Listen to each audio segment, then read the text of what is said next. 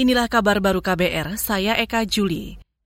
Saudara Satuan Tugas Percepatan Penanganan COVID-19 menilai imbauan Presiden Joko Widodo terkait menggunakan masker di luar maupun di dalam ruangan menjadi sinyal pengetatan protokol kesehatan. Meski begitu, Ketua Bidang Perubahan Perilaku Satgas Penanganan COVID-19, Sony Hari Harmadi mengatakan, aktivitas dan mobilitas masyarakat belum akan dibatasi sebetulnya dengan status pandemi belum berakhir ya kasus COVID juga masih ada secara terus-menerus, penerapan protokol kesehatan secara yang terbaik. Makanya eh, aktivitas dan mobilitas boleh dilakukan, tetapi syaratnya adalah betul-betul menerapkan protokol kesehatan karena kita harus menjaga momentum pertumbuhan ekonomi, tapi di sisi lain jangan sampai momentum tadi terganggu dengan adanya lonjakan kasus. Ketua Bidang Perubahan Perilaku Satgas Penanganan COVID-19, Sony Hari Harmadi menambahkan, momentum Idul Adha meningkatkan mobilitas masyarakat berwisata maupun mudik. Satgas juga mengingatkan level PPKM berpotensi naik jika masyarakat abai protokol kesehatan saat tren kasus COVID-19 tengah naik saat ini. Sebelumnya, Kementerian Perhubungan akan menerapkan aturan terbaru seperti keharusan vaksinasi dosis ketiga dan syarat tes PCR atau antigen bagi pelaku perjalanan dalam dan luar negeri.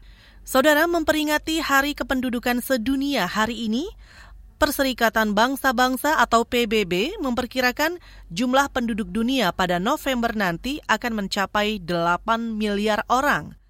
Mengomentari laporan PBB itu, Direktur Analisis Dampak Kependudukan BKKBN, Faharudin mengatakan, Indonesia terus mengantisipasi peningkatan jumlah penduduk itu, seperti meningkatkan layanan kesehatan guna menekan kasus kematian ibu dan bayi.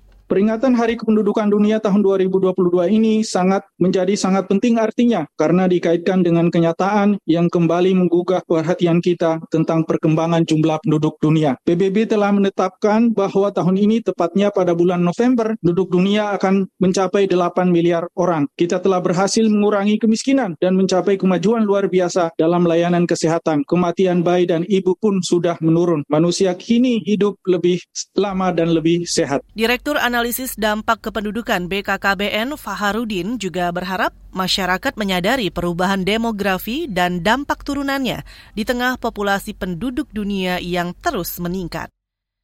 Kita ke soal lain.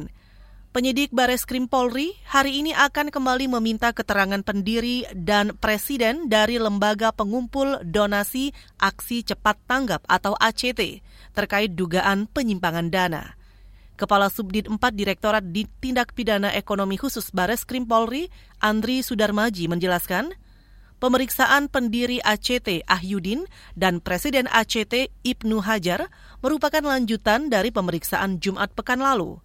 Pemeriksaan itu terkait dugaan penyimpangan dana sosial ahli waris korban kecelakaan pesawat Lion Air JT610 yang terjadi empat tahun lalu. ACT diduga tidak pernah mengikut sertakan ahli waris korban dalam penyusunan rencana maupun pelaksanaan penggunaan dana sosial dari Boeing. Dari hasil pemeriksaan sementara, diperoleh fakta ACT menerima dana dari Boeing untuk disalurkan kepada korban sebesar 138 miliar rupiah. Saudara, demikian kabar baru. Saya Eka Juli.